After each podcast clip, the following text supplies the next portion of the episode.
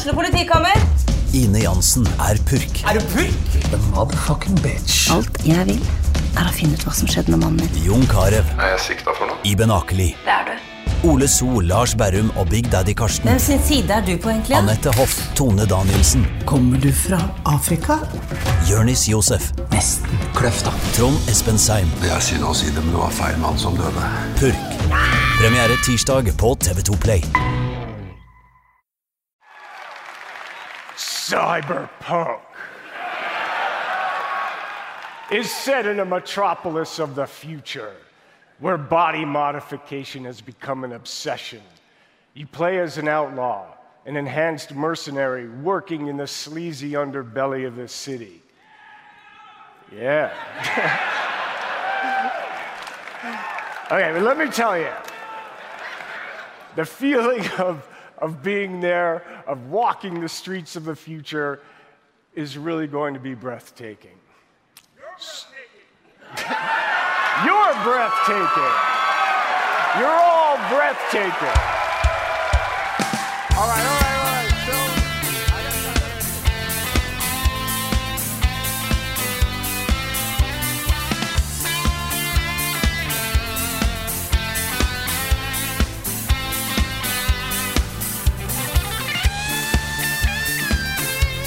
Hallo, alle sammen, og velkommen til denne, sånn som Keanu Reeves ville sagt, breathtaking hybrid av spilluka og podkasten vår Level Backup. Vi har bestemt oss for å ta en liten sånn kombinasjon av den enkle grunnen at vi kommer til å snakke om det samme begge plasser. Ja, vi gjør det. Ja.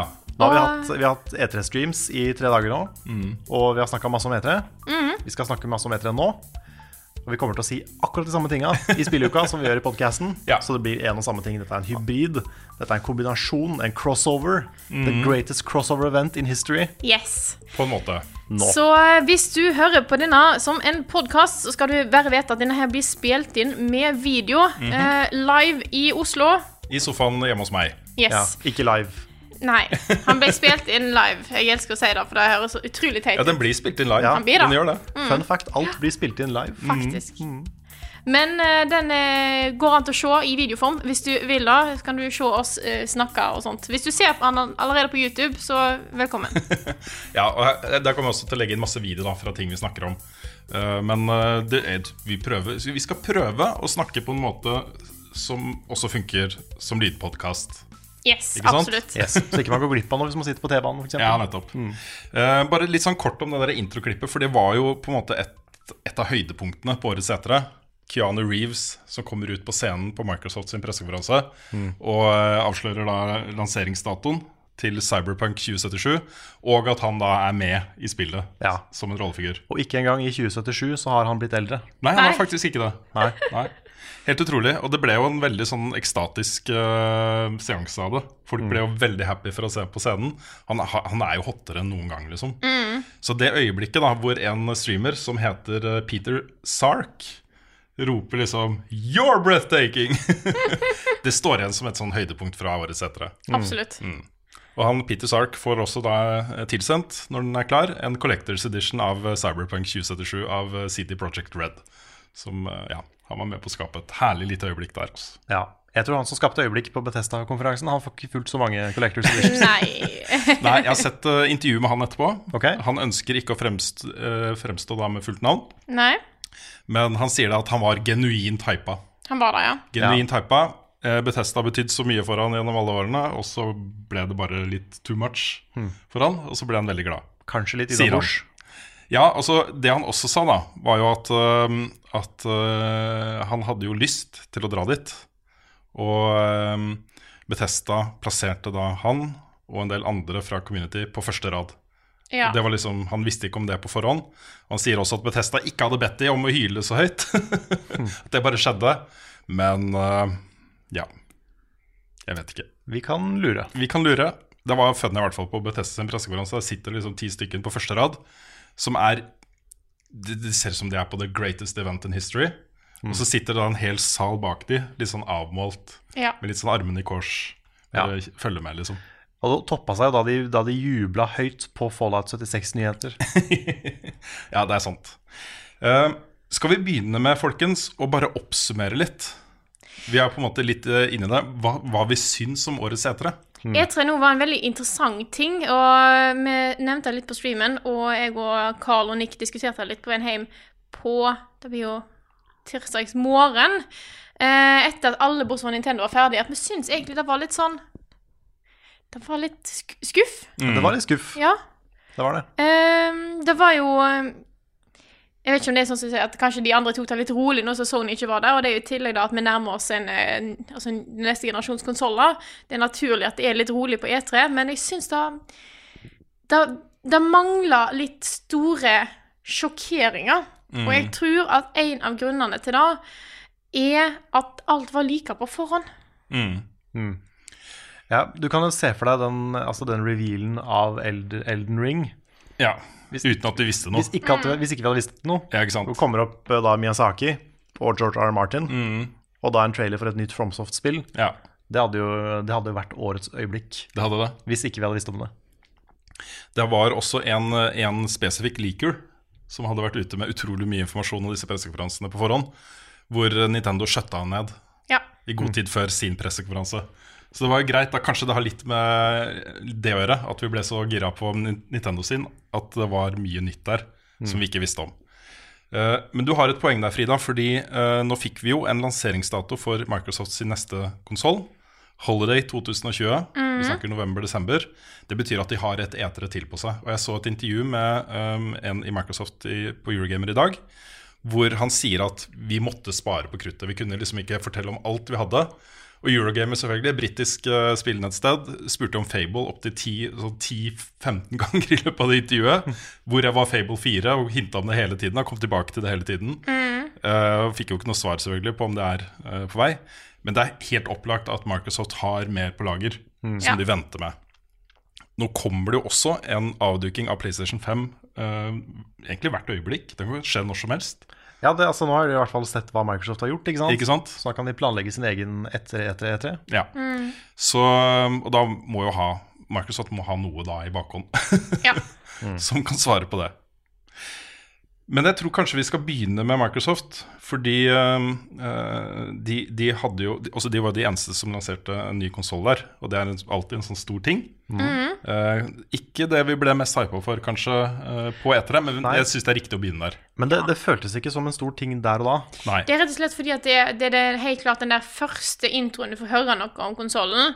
Det blir the, the most powerful console we've ever made, som det alltid er.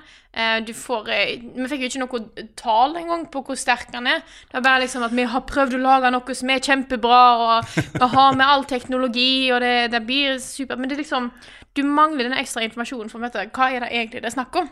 Det var litt som å se en reklamefilm for Telenor Young. Med de kidsa som sier kule ting, Ja. og så ser vi egentlig ingenting. Det de sa av faktisk informasjon, var at den kommer til å være ca. fire ganger raskere enn Xbox One X.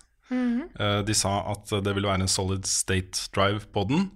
Og det de også sier, da, er at målet med den, det er én korte ned på loading-tid. Altså at ting bare starter med en gang. Hele tiden. Det er ikke noen loading-skjermer og sånne ting. To, uh, Xbox GamePass. Også at det er en konsoll som er tilrettelagt for det. Og tre, Xcloud uh, streaming. Så de ser jo for seg da at denne her vil bli en hub for folk som kjøper den, hvor uh, du kan streame fra den til din telefon, f.eks. Um, så de lager nå et økosystem som kommer til å ta litt tid før det setter seg. Men uh, jeg, jeg, forstår at de ikke snakker så mye om terraflop og grafikk og sånt. Dette kommer til å bli bra, liksom. Eh, De sier jo native 4K. eh, De sier native 60 frames i sekundet. At det er benchmarken. Men at de også kan gå for 120, liksom. I enkelte spill. da 120 frames i sekundet. Så det er sanne ting de går for, og det vet man. Også man vet at det blir kraftigere osv. Men det er alle de andre tingene som jeg tror blir interessant her. Absolutt. De har også sagt at det vil være et disk drive i den. At det vil kunne sette inn disker. Og de har sagt det? De har sagt det i intervjuet med Eurogamer, så sa han det. Ja, ok. Det er bra. Det er bra. Eh, en ting de ikke sa, eh, men som de har sagt tidligere, er at de har jo snakka om flere versjoner av neste generasjon Xbox-konsoll. Det kommer nok. Eh, jeg tror vi har sett starten på det med Xbox One, Xbox One S, Xbox One X. Eh, vi kommer nok til å bevege oss dit, tror jeg. Hvor folk kan velge en modell som passer for dem. Hvis du hovedsakelig har tenkt å streame spill fra den til telefonen din. Kanskje du trenger én maskin, og osv. Så, Mm. så der tror jeg vi får se alt opp til en sånn pro-modell som Kommer til å koste altfor mye. Ikke sant? Ja. 10 000 kroner. Ja. En, det blir en PC. Det blir en uh, vanlig PC. Yes. En Dreamcast. Men det som er mest interessant, uh, som vi fikk vite på E3 om den konsollen, er at den vil bli lansert med Halo Infinite. Og det er en stund siden vi har hatt en skikkelig solid launch-tittel som alle har lyst på, som kan pushe konsoller. Nå fikk vi ikke se så mye av Halo Infinite. Jeg klarer liksom ikke helt å få grep om hva det spillet er ennå. Det er, ja, jeg vil jo si at Breath of the Wild Nå kom den også på Wii U, da. Mm. Breath of the Wild var jo en sånn. Ja, det var jo ikke en launch-tittel. Jo. Til Switch, var det det? Ja. Det var det. Oh, ja, jøss. Ja, da er det ikke en stund siden. Nei, det er det ikke. Da var det forrige gang. Det var det forrige gang. Nei, men man, ser jo, man ser jo eh, både med Breath of the Wild da, og eh, Super Mario 64 Halo back in the day på Xbox, eh, første Xboxen. eh, det er viktig. Det, da. Ja. ja, du får en pangstart hvis du har noe sånt. Nå vil jo da Halo Infinite også komme på Xbox One. Ja. Så um, uh, Nå er jeg stadig tilbake til dette intervjuet, for jeg syns det var så oppklarende.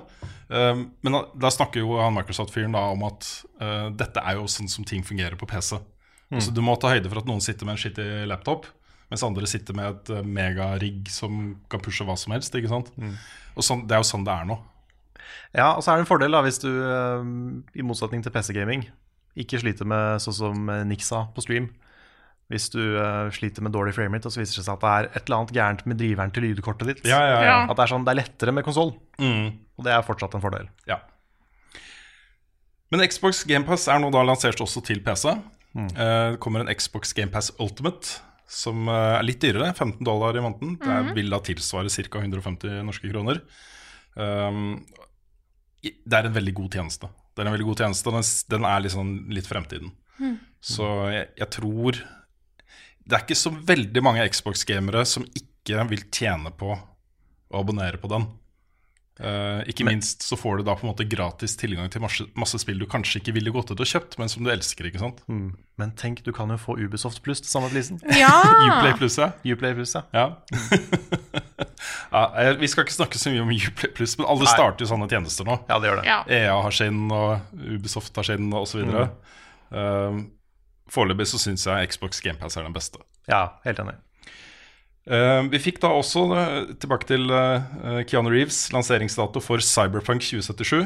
Uh, 16. april 2020. Og det var litt sånn gjennomgangstema på årets etter det. Det er veldig mye som kommer i 2020.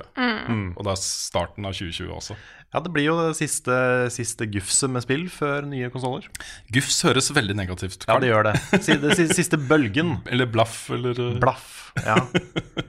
Jeg, jeg lander på bølgen. Bølgen er Den bedre. siste bølgen med spill. Ja, ikke sant? Blaff vil alltid for meg være den lyden som eh, lavakulene i Sonic, de første Sonic-spillene lager. Ja. Blaff. Yes. ja. Så eh, der blir det også vist fram ting behind closed doors på E3. Um, inntrykket er at de ikke viser fram så mye nytt. Også, det er nye scener osv., men man får ikke noen ny forståelse av hva spillet er eh, satt opp mot da, ting som er vist tidligere. Ja. Men det ser fortsatt bra ut. Um, og ja, svært, svær utgivelse. Den store store greia for oss på Microsofts pressekonferanse var jo Elden Ring. Jeg er litt sånn, jeg, jeg skulle gjerne sett mer av det. Vi fikk jo bare sett en cinematic som setter opp universet her, liksom. Men det er jo da Miyazaki og Fromsoft og George R.R. Martin. Dark Fantasy. Hva mer kan man be om, egentlig? Ja, hva mer trenger man? Det er jeg vil bare det var, Jeg skulle ønske vi fikk se litt gameplay, Ja, men uh, forhåpentligvis ikke så lenge til. mm, De har jo en tendens til å annonsere spill på E3 og gi dem ut i april året etter. ja. Så jeg håper på en april- april-launch. Det høres veldig ut som et open world Dark Souls. ja. Så, og det Ja. Det er greit. Det er helt i orden. helt i orden. Eh, bare et par nyheter til fra uh, Microsoft sin før vi går videre. Uh, Microsoft Flight Simulator er tilbake. Og Der har de brukt da, ikke sant, GPS og, og satellittdata og sånne ting til å lage verden. Eh, og så skal du da fly over den og lande på den og, og sånne ting. Og det er litt spesielt dette fordi det er kanskje den lengst levende spillserien ever. Eh, ut, Jeg sjekka litt nå før, eh, før sending. Utviklingen av det første eh, Flight Simulator-spillet, før det ble kjøpt opp av Microsoft, og sånne ting da Det starta i 1977. Å, herregud. Oi. Og det første Flight Sim-spillet kom i 1982. Wow. Så det holdt på en god stund. Det aller siste spillet som ble utvikla, var Flight Simulator X. Det kom ut i 2006, og så fikk det en Steam Edition i 2014. Så dette er både en sjanger som har levd lenge, og en spillserie som har levd lenge. Og jeg tror det er massevis av folk som nå gleder seg til å bli piloter igjen. Virtuelle piloter. Ja. Flight Sim for Smash. ja. um, vi fikk en lanseringsdato på Gears 5. Det er 10.9. Uh, der har de tydeligvis planlagt en sånn derre stykkevis presentasjon av spillet. Vi fikk se litt nå. Uh, vi fikk se litt av Escape, som er en ny treplayer co-op-opplevelse. De sa at de vil avduke Horde-modus, nytt Horde-modus på Gamescom i august. Og så kommer det en beta og greier. Det som er, eh, det som er eh, hovedinntrykket mitt fra Xbox er at det var en solid pressekonferanse, men at de også sparte på kruttet. Ja. Det kommer Og å at komme det, det burde vært flere gameplay-demoer. Ja. Ja, det var for lite av det generelt på etere. Det var det. ja. Det var eh, mye trailer. Og det var, ikke mange, det var ikke så mange av de trailerne som var bra engang. Nei. Også sånn Nei, skikkelig var- bra. Sånn ordentlig hype-bra, liksom. Her, sant. Det var mye litt sånn high concept Mm. eh, CG-trailere. Ja. Som ikke Du har liksom ikke noe inntrykk av hva slags spill det var engang. Det fikk du vite etterpå, med prat. Ikke sant? Jeg fikk se litt uh, nytt gameplay fra Ori and the, Blind, uh, Ori and the Will of the Wisps. Ja. Det som ser fortsatt eh, ser kjempebra ut. Jeg bare vil ha det. Men Ja. ellers var det veldig mange trailere som bare var som CGI, som viste på en måte story-konseptet, men ikke noe som helst om gameplay. Og det blir sånn Jeg har ingen anelse om hva det spillet her er. Det kan være kult konsept, men hvis det er ræva å spille, så blir jeg litt sånn eh, Mm. Det kommer, det kommer sikkert til å komme tilbake til eh, senere i sendingen også, fordi det, man kan si det om en del av de spillene vi skal snakke om. Ja. Men vi går videre til Nintendo, og vi hadde jo Nintendo. Vi går videre til Nintendo. Vi gjør det, ja. Ja. Jeg tenkte vi skulle ta ting i rekkefølge. Nei da, det er ikke her. Ikke her, nei. Okay, okay. Jeg har lagt opp sånn at vi tar for oss uh, de to største pressekonferansene litt eh, generelt. Den er Ikke, god. ikke alt. Nei? Eh, og så en gjennomgang av eh, store, kjente spill som nå har fått dato. Eh, en liten gjennomgang av de norske spillene som var på, på E3 2019. Og så en gjennomgang av helt nye titler som ble vist fram for første gang på Ok. årets E3. Ja. Og så har vi litt andre spillnyheter som har skjedd eh, i forkant av E3, men som også er, har en viss tilknytning til E3, og som også ble snakka litt om på E3. Da er jeg Så med. det, det er sendeplanen, Frida. Ja, det er greit. Det er um, sånn jeg valgte å gjøre det. Det går fint. Uh, men Nintendo sin pressekonferanse Vi hadde jo vår egen kåring av beste pressekonferanse på E3 2019. Det hadde vi med pennereken. Ja. Soleklar vinner. Yes. Ja, det var det. Og det er første gang Mm. at Nintendo har vunnet penneleken. Det er fjerde år vi har kjørt det. Ja. Og Sony har vunnet to ganger. Microsoft har vunnet én. Og i fjor vant nesten Ubisoft. ja. Men i år var det Nintendo som vant. Og det er ikke så rart. De hadde en veldig god pressekonferanse, men det aller, aller, aller største var den derre én ting til. Mm. er jo til-annonseringen på slutten. Og det er jo litt interessant, for vi fikk jo spørsmål i chatten på forhånd Ja. som var Hva er drømme-Selda-spillet? Hva Hvis Selda skal bli eh, vist nå, hva er på en måte det beste som kan bli vist? Hva er det Mm. dere vil ha? Og vi endte opp med Selda, Breath of the Wild, men mer historie og mer dark. Ja, og litt rarere og litt sånn Ja. det, det var akkurat sånn det så ut. ja. Og dette er Breath of the Wild 2. Ja. Samme Link, samme Selda. Det er i hvert fall en sequel. Ja, De kalte det The Sequel to Breath of the Wild. Ja. Mm. Så det er da eh, Breath of the Wild sitt Majora's Mask. Det er akkurat det der. Ja. Det var akkurat det vi ville ha. Ja, nøyaktig det vi Det ville ha. var nøyaktig det vi ville ha. Jeg har sett en eh, god eh, på en måte en eh, fake tittel på nett. Selda. Curse of the Wild. Ja, ikke sant? Mm. Ja, det var Å, nå fikk jeg gåsehud. Mm. Det er jo ingen uh, informasjon om verken utgivelse eller noen ting, men vi kan jo kanskje håpe på liksom julen neste år. Ja, Det vil, kanskje. det vil jo gå fortere nå som de har enginen. Ja de har alt da på plass, liksom. Så Ja, får se. den verden der og den, den enginen der da fortjener flere spill. Ja. Altså den, Det er et av tidenes beste spill. Og eh, Nintendo har bygd noe utrolig kult der. Mm. Så for all del, bruk det mer. ja. Men jeg skjønner at det, altså, de kunne jo kommet med et, måte et, et tidsrom, da, for eksempel hvis det er mot jul 2020, men jeg skjønner at de ikke gjør det. Nei da, de skal bare lage det ferdig. Ja, lag det ferdig. Ta dere god tid, Nintendo. Mm. Så ser vi hva det, hva det blir etter hvert. Ja. Men de hadde jo flere ting å vise fram også på pressekonferansen sin, inkludert av Luigi's Mansion 3, eh, hvor det nye her var at de viste fram eh, Scare Scraper, som er et multiplayer-modus. Um, Er vi Team Luigi, eller er vi Team Guidi? jeg vet ikke. Nei. Det, det bare så gøy ut. Ja. Det så skikkelig, skikkelig gøy ut. Og så er det litt at du kan samle så mange Luigier samtidig, og alle lager de samme lydene. Mm. Ja, ja, ja. Det er bare helt herlig. Det var noe utrolig morsomt med akkurat det der, altså. Ja. Og resten av gameplayet ser bare kjempegøy ut. Ja, det ser meg sånn nydelig ut. ut. Animal Crossing New Horizons fikk eh, utgivelsesvindu mars 2020. Um, der kom det også fram litt info etterpå. Etter pressekonferansen Det ville være da inntil åtte spillere på samme øy i online multiplayer. Og da inntil fire spillere i lokal multiplayer med hver sin joycon. Det, er, det så veldig bra ut. Absolutt. Jeg eh, håper det er mye å gjøre singleplayer òg, for det er for meg et eh, Det er det jeg er vant med, at det er singleplayerspill. Mm. jeg ser for meg at det er litt sånn som i Stardew Valley, at det er, gøy å spille med folk, og det er gøy å spille alene. Så jeg håper det er sånn her òg, for jeg kan bruke mange timer i dette her. Du kan hoppe over elver, Frida. Ja. Det kan Da, det er så viktig. Det er faktisk så ekstremt viktig, for verden er jo ofte autogenerert. Så du får en ny måte, by eller øy her da hver gang, og da kan det være at elvene er plassert litt sånn at du er nødt til å gå veldig langt for å finne brua, for å Ja. komme rundt, sant? Da kan du bare hoppe over. Ja, så bra. Og så kan du også, har jeg hørt, eh, dekorere hele verden. Ja. Og så så du kan, du kan legge paths. Det er sånn Det er sånne små, teite ting, men det, det, det er så kjekt. Det er så gøy å se. Nintendo hadde også en herlig fakeout med introduksjon av nye karakterer til Smash. Det er alle. Hvor de sa 'Å, det er Banjo Kazooie', å nei! Og så var det hunden og det anden fra Duck Hunt. Ja. Og så var det Banjo Kazooie allikevel. Så var det Banjo Kazooie Wardley. Men det, jeg gikk ikke på den, Nei? fordi de har kjørt samme gag før. Ja, det har det, ja. Hvor det var liksom da de reveala King K. Rool, så var det han King DDD som tulla. Og så kom den ekte King K. Rool etterpå. Ikke sant? Ja, ikke sant? Så det er akkurat samme tingen. ja. Så you didn't get me twice. Men det var morsomt. Jeg tror det var eh, meningen at du Ja. Ja. Jeg tror nok det hadde vært eh, rart.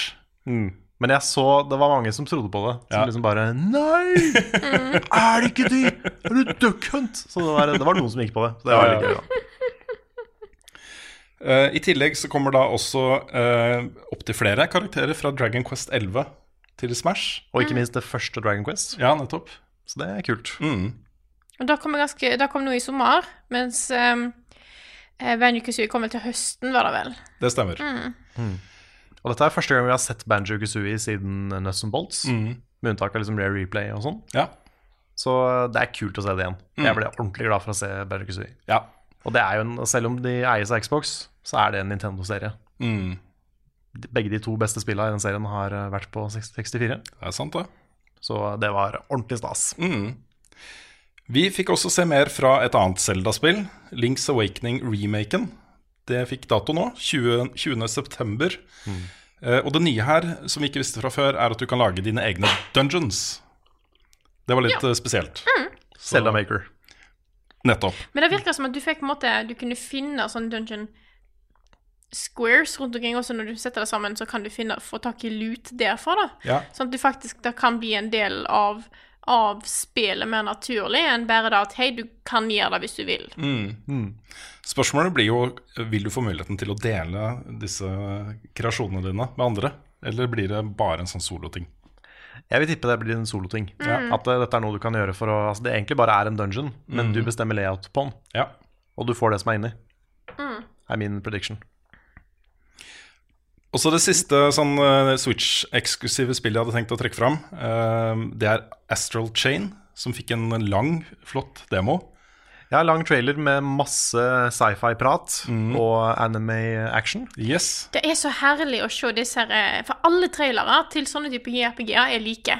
Du har uh, du måtte sett opp med litt sånn, De forteller litt sånn et eller annet sånn vagt sånn der In a world we blah, blah. As you know. Yeah, as you know, og så eh, på en måte forklarer de litt greier der, og så har du plutselig sånn random eh, voice lines som er bare kasta inn, Ja. som ikke gir mening. What does the eclipse mean? og sånne ting. Ja. Men det, så- dette er jo Platinum, uh, Platinum Games. Uh, kongeutviklere fra Japan. Det ser kjempebra ut. Jeg, eh, jeg gleder meg sånn til det spillet. Da tror jeg er sånn ordentlig sånn meg og Nick-spill òg. Og så er det jo litt betegnende for hvor vellykka Switch har vært for Nintendo. At nå The Witcher 3, Complete Edition, eh, med Wild Hunt og eh, andre, andre and inkludert, Blood and Wine inkludert, kommer på Switch. Du så jo at eh, grafikken var nedskalert, men jeg syns det var ganske sjarmerende. Altså det, det så ut som om det kommer til å funke helt fint. Så men det at det kommer der Skyrim har kommet for lengst. Uh, Resident Evil 5 og 6 kommer. Det er liksom så mange sanne spill da som normalt sett ikke ville kommet ut på de forrige Nintendo-konsollene, som nå kommer dit. Det er jo fordi det er en hit. Ja. Mange som har den, eh, mange som har lyst til å spille disse spillene. Enkelt og greit. Det blir bare viktigere og viktigere å være på Switch. Og så er vi over på den eh, seksjonen som jeg bare har kalt 'Store spill har fått dato'. Ja. Eh, Det første der må jo selvfølgelig være Final Fantasy 7, remaken. Eh, Det kommer den 3. mars 2020, dvs. Si en del av spillet kommer 3. mars. Ja, for det, det er den tingen som de ikke har vært så tydelige på, og som heller ikke har kommet så tydelig fram etterpå. Men dette er jo ikke hele Final Fantasy 7. Nei. Dette er uh, Midgard-delen mm. av Final Fantasy 7, som er de første alt fra fem til sju-åtte timene av Final Fantasy 7, avhengig av hvor kjapt man spiller. Og det er mye story der. Men jeg klarer ikke helt å se for meg hvordan jeg skal få et helt spill ut av bare Midgard, liksom. Mm. Nei, for de sa jo at dette vil være en self-contained opplevelse. Ja. Altså et, et, et, et eh, ferdig spill, på en måte. Men så skal de gi ut resten som episoder. Ja. Og gudene vet hvor lang tid det tar, da. Og det, ja, for det kan det, være et langt ja. prosjekt. Ja. Og da at de på en måte eh, Var det du som fant en sak om det? Der de på en måte ble spurt om litt sånn eh, på en måte Hvor mange episoder blir har. Nei, de skal på en måte De kunne ikke si noe om hvor mange det blir. Det betyr, tenker jeg, at de har null kontroll.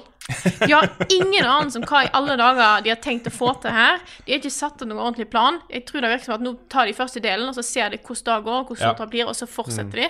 De har ikke peiling på hvor de skal ta dette her. De har holdt på i altfor mange år. De har mista litt kontroll. Jeg tror eh, jeg er Selv om jeg, det, det ser jo dritbra ut, og jeg gleder meg til å sjekke det ut, for jeg tror jeg jo kommer til å teste det nå. Men eh, jeg er usikker på hvordan de skal ta, eh, dra dette her i land, altså. Nei, fordi Altså, det er ikke noe vits å dra ut alle de andre delene så mye som de kommer til å dra ut Midgard. For Midgard er en svær by, um, og du kan fint sette et spill i den byen. Men da må de utvide veldig mye av det som skjer der i spillet. Uh, og de kommer ikke til å gjøre det med hele spillet. Uh, så jeg, jeg vil tippe at de kanskje da tar resten av disk 1 fra originalen i episode 2. Da fram til uh, det øyeblikket som alle husker, som har spilt det. Og så Til og med jeg vet hva det øyeblikket er. Ja, men, men. Frida vet ikke, så jeg nei, prøver ikke greit. Bra. uh, Og så kanskje liksom disk 2 kan være en episode eller to. Så jeg vil tippe maks fem, da. Ja, nettopp. Det er min prediction. Så hvor mange år tok det mellom det? Skal vi se, det er fire år mellom hver Ja. med de revealerne, og så blir det fire år til. Så da har vi da Skal vi se her, da. Fire ganger Altså fem episoder. Det, det er 20 år, da. Så Jeg om tror, jeg tror, vi, får et komplett, 2040 jeg tror vi får et komplett Final Fantasy 7 uh, innen vi pensjonerer oss. Ja. Ja. ja. I hvert fall. Men det jeg også tenker på Vi skal ikke dra dette altfor langt ut om uh, Final Fantasy 7. Er det dette her fansen vil ha? Altså, jeg, jeg tror det er en blanding av ting. Fordi ehm, jeg kjøper ikke helt den at Final Fantasy 7 er så svært at det, umul, at det hadde vært umulig å lage det. Mm. Fordi ja, det er svært, og det var på tre disker back in the day, liksom. Men det fins lange JRPGs nå også. De har valgt å lage Altså, de, de har valgt å kjøre en skyhøy produksjonsverdi på det. ja. Så alt er jo mye større, mye bedre. Top of the line, liksom. Så det tar jo tid, selvfølgelig. Og Square Enix-spill tar tid til å begynne med. Så jeg, jeg skjønner at ting tar tid. Jeg skjønner at det er vanskelig å lage et helt spill i den kvaliteten. Mm. Så den delen forstår jeg. Men um, Men ja, jeg vet Altså Det kommer så an på hvordan de gjør det. Jeg har ikke lyst til å bare slakte det. Men, uh, men jeg er øh, usikker på om dette er riktig måte å gjøre det på. Men sett bort, bort fra det, da, Mm. så så jo det vi fikk se, veldig, veldig Det, bra ut. Å, det ja, ser ja, ja. helt perfekt ut, faktisk. Altså, karakterene er akkurat sånn som de burde se ut. De er så trofaste til de originale, bare gjort en million ganger penere. Sånn umulig pene mennesker, som ikke fins i virkeligheten. Og kampsystemet er et Bortsett fra slags Keanu sånn- Reeves, da. Bortsett fra Keanu Reeves. Han, er, han, han kunne vært i Final Fantasy 7. Mm. Ja. Eh, Men så har du kampsystemet, som er en slags hybrid av liksom 13 og 15 og det originale 7. Ikke lenger turbasert. litt mer actionfokus, litt mer shortcut-knapper. og Du må, du må attacke vanlig for å kunne bygge opp ATB-meteret ditt, som lar deg bruke bedre ting. Så det er sånn du må være offensiv for å få lov å være mer offensiv. Det høres ut som en kul idé. Mm. Jeg liker at de har modernisert det såpass mye. Jeg tenker at når de først lager en remake Så vi har jo fortsatt originalen, ikke sant? Mm. Så vi må ikke ha det samme systemet. Nei. Så det syns jeg er kult. Ja. Så jeg er veldig positiv til det jeg har fått sett. Jeg er, bare, jeg er veldig spent og veldig avventende på den episoden. Mm. Jeg forstår det. Mm. Og så var det et spill som veldig mange hadde gleda seg til å se på Square Enix-pressekonferansen eh, på forhånd. Og det var den store, første avdukingen av Marvels Avengers-prosjektet til Crystal Dynamics. Ja. Og for en Den falt flatt for meg, altså. Jeg, jeg fikk ikke noe ut av den prestasjonen i det hele tatt, den uh, traileren her. Men det er fordi at da jeg føler de viste, var på en måte storyen for å bygge opp spillet. Ja. Den som kommer før gameplay starter. Mm. Som ikke er gameplay, Mm. men mer en sånn introsekvens. Hva som skjer eh, i på en måte verden med heltene. Og så på en måte Så skipper det jo fem år. Og jeg vil tippe det er der spillet begynner. Ja da, det er det helt sikkert. Mm. Så Dette Så gameplay, hvor, er gameplay? Ja, det er, det er litt akkurat det. Jeg tror det de hadde undervurdert, var hvor sterkt endgame sitter i kroppen til folk. Fordi nå introduserte du da Iron Man og Black Widow og Hulken og eh, Captain America. Eh, eh, hvem er det jeg glemmer? Det var jo noen av Det var flere av dem. Black Widow, Black Widow. Ja, det sa jeg. Iron Man Det sa jeg. Ja. Det var jo bare Det var fem. Det var fem, ja. Ja, og Thor, Thor. Og. Thor, var den jeg glemte. Kan ikke glemme Thor. Jeg kan ikke glemme Thor. Thor? Øh, Også samme som i filmene, ikke sant? Mm. Men med helt nye skuespillere. Og dette er jo kremskuespillere i spillmediet. Du har jo Troy Baker, um, mm. Noel North, uh, Laura Bailey, har du ikke det? Jo, det tror jeg. Ja. Laura Bailey, ja.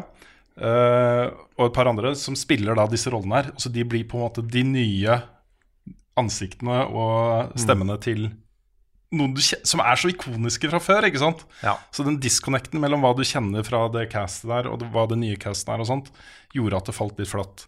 Men det, Altså, og så tror jeg de var for like uh, uten å være de. det er akkurat det. Det tror jeg var problemet. Ja, jeg Fordi tror også det. De hadde de samme kostymene, mer eller mindre. Mm. Eh, og veldig Altså, de, de sa det var Crystal Dynamics sin tolkning, Ja, men det var en tolkning som var veldig lik. det er helt sant. Og det var kanskje det som gjorde at det ble litt eh, uncanny. Det kan ha hatt noe med saken å gjøre. Men jeg, jeg føler fortsatt at, øh, at de feila litt i måten de presenterte det på, ved at de ikke bare viste oss hvordan det faktisk vil være å spille dette spillet, og så gi oss et inntrykk av hva de gjør. da. Fordi sånn som ting er nå, så bare føler jeg at vi ble vist Det kunne vært hva som helst. Ja. Altså, det spillet her kan bli hva som helst. Hvordan ser det ut når jeg faktisk spiller det? Så de mener vel å si da at man kan forvente oss at det vil se så fett ut som det gjorde i den traileren her, men det vet vi ikke. Nei. Så ja. Datoen der er 15. mai 2020. Det er også lenge til. Så mye kan jo skje, da. Og vi kan, kommer sikkert til å se mye fra det spillet i øh, ukene og månedene fremover. Ja, det var jo også en lukka gameplay-demo eh, der, Ja, nettopp. som eh, journalister som var der, fikk eh, se. Ja. Jeg får komme litt tilbake til den seinere. Kanskje, kanskje komme litt video fra det også etter hvert. Jeg er, veldig, jeg, er veldig positiv til spillet.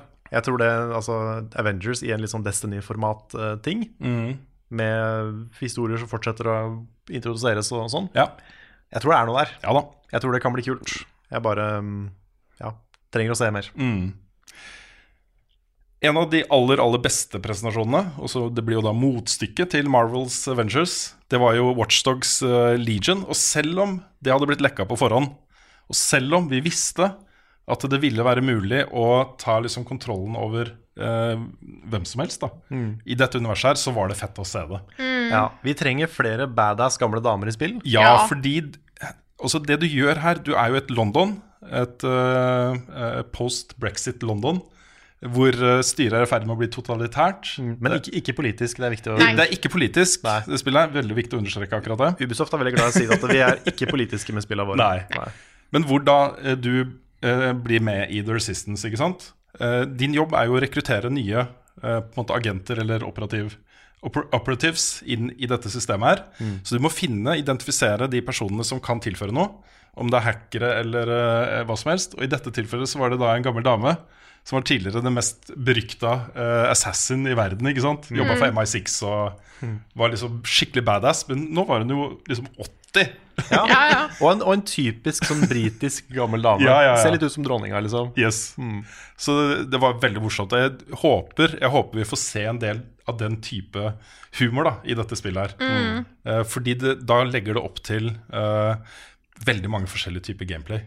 Ja. Ikke sant? Og så er det, det er veldig mange open world-spill som ser ut sånn som Watchdogs gjør. Men jeg syns bare det at det er satt i London, det hjelper litt. altså. Ja. Da har du liksom, du har ikke de samme amerikanske skuespillerne, du har litt mer Du har en helt annen vibe. Mm. Så det er eh, også kult. Ja, det er veldig kult. Vi, eh, jeg tenkte også vi avslutter, for de som ser det, dette er på YouTube, så avslutter vi med et litt lengre eh, klipp fra den type 14 minutter lange, jeg husker ikke. Det var en lang gameplay-demo. Sammenhengende gameplay-demo. En av de få vi fikk. ja. Ikke sant? Men der også kudos til Final Fantasy 7, som Ja. hadde en lang gameplay. eh, Ja, det også var veldig bra. Eh, Microsoft sin pressekonferanse starta jo med et litt lengre blikk på uh, The Outer Worlds, som er uh, det nye spillet til Obsidian. Det kommer jo også på PlayStation 4. Det er litt funny. Det har jo vært i utvikling lenge. Men Microsoft har jo begynt å ta en sånn stand nå hvor de tenker at det, hvorfor må spillene våre bare komme på Xbox? Og så da er det jo PC er jo åpenbar, da, selvfølgelig. Men de flørter litt med Nintendo, og plutselig så ser man liksom spillene deres komme på hva som helst. Men kommer det til nå et punkt der hvor den nye Xboxen ikke blir så nødvendig? Ja, men Det er det jeg har følt de siste men, Ja, for, for jeg, på et eller annet punkt da, i fremtiden, og så etter denne generasjonen, da, tydeligvis, siden de nå starter, tydeligvis satser på både disk drive og alt mulig rart, ja, ja. så vil jo disse konsollene bare være en plattform Ja. som du kan installere på hva som helst. Ja, Ikke sant? ja, men det at de nå lanserer, lanserer en ny konsoll, Ja. samtidig som de introduserer alle de andre måtene å spille spillene deres på, Ja. sånn, hvor nødvendig blir den neste Xboxen? Hvor nødvendig blir den? Jeg vet ikke. Det er et spørsmål. Det går ut fra at de har tenkt på det. Ja, Det vil jo fortsatt være sånn i overskuelig fremtid at hvis du vil ha den det soleklart beste eh, opplevelsen nå snakker jeg grafikk og framerate og input lag og sånne ting. Så må du ha det installert på en kraftig maskin som, som du sitter rett ved siden av. på en måte Så det kommer til å ja, fortsatt ha en verdi, da. Ja da. Eh, men det er, dette er jo spillet som på en måte er uh, Hva skal man si? Uh, Fallout, men bra. Fallout 76, Ja, Fallout men bra. 76, men bra, ja. Ja. Ja, de var veldig, Den første traileren så var de veldig sånn påpasselige med å From the original creators. Mm. Det er vel de som er bak Fallout New Vegas. Også. Stemmer det. Fallout New Vegas. Bjørn gikk litt i taket. Han gjorde Ja. det. Han Ja. streama jo tolv timer med Fallout New Vegas. Han gjorde det, faktisk. Mm. Så det så bra ut. Uh, datoen på det var 25. oktober. Nå er vi heldigvis på en del sånne ting som kommer til høsten. da Uh, Men Ori and the Will of the Wisps har jo blitt vist fram nå hvilket år på rad? Tredje? Tre, i hvert fall. Mm. 11. februar 2020. Yes. Ja. Så nå har de en dato. Det er ikke så lenge til da vi klarer å vente. Nei, jeg skal klare å vente til da. Det Det så fryktelig, fryktelig pent ut. Åh, ja. Det så fryktelig pent ut. Kanskje det vakreste spillet på, på årets etter. Um, Minecraft Dungeons er jo et annet Microsoft-spill som dukker opp overalt. På Switch, på PlayStation, på alt mulig rart. Um, det er litt morsomt. Jeg, folk snakker om at det ble liksom avduka på årets etere, men det, er de snakka om det i fjor høst. Ja, Så det har vært kjent en stund, men datoen er nå våren 2020. Altså det er jo ikke en dato, det er et tidsvindu. Mm. så vi må vente et helt år da, før det kommer. Men det også så kjempebra ut, og der er det jo både multiplayer eh, online og eh, lokalt. Hvor du tar Minecraft-konseptet, og så er det dungeon crawler. eh, for alle aldre, da. Mm. Eh, Star Wars Jedi Fallen Order kommer nå 15. november. det gjør det. Det hadde jo en veldig lang gameplay-demo. Det var litt, litt sånn betegnende for å se årets etter, egentlig. For den gameplay-demoen altså, Noen syns den var kjempebra. Jeg likte den. Ja, Jo, jeg syns den var helt grei, men den, den var ikke sånn mind-blowing Jeg hadde forventa meg å håpe at den skulle være litt mer spektakulær, da. Mm. Kanskje. Og litt, litt mer sånn overraskende. At man eh, Ja, jeg, bare, jeg vet ikke helt hva jeg savna. Altså, jeg skjønner hva du mener. mm. Ja, for du savna noe i den, eller? Syns den var helt perfect. Altså, det, det var ikke, det var ikke en, sånn som det var, Jeg følte ikke det jeg følte da jeg så God of War for første gang, f.eks. Men eh, det var jo egentlig akkurat det jeg forventa. Mm. Et tredjepersons actionspill satt i Star Wars-universet med en lightsaber. Ja, men det er litt mitt poeng, Carl. Ja. Fordi eh, hvorfor i all verden skulle vi ikke føle det samme for dette som det vi gjorde for God of War? Ja, men det, det har også litt å gjøre med forholdet mange har til Kratos og sånn. Da. Ja, Nei, da vil jeg ikke tror si. ikke det, altså, fordi Ikke? du- Nei. Jeg, jeg, jeg, jeg hadde forventa meg mer. Men nå har jeg veldig høye forventninger. Altså, Respawn er dritgode på singleplayer-opplevelser. Mm. Kjempegode. Noen av de beste. Så for meg så føltes det som de, de kan bedre. Og så Mm. Fortsatt bra, og jeg kommer til å spille det. Og kommer sikkert til å like det også. Men jeg forventa meg mer, da. Jeg fikk mye bedre hva skal jeg si, høyere hype-nivå av å se traileren.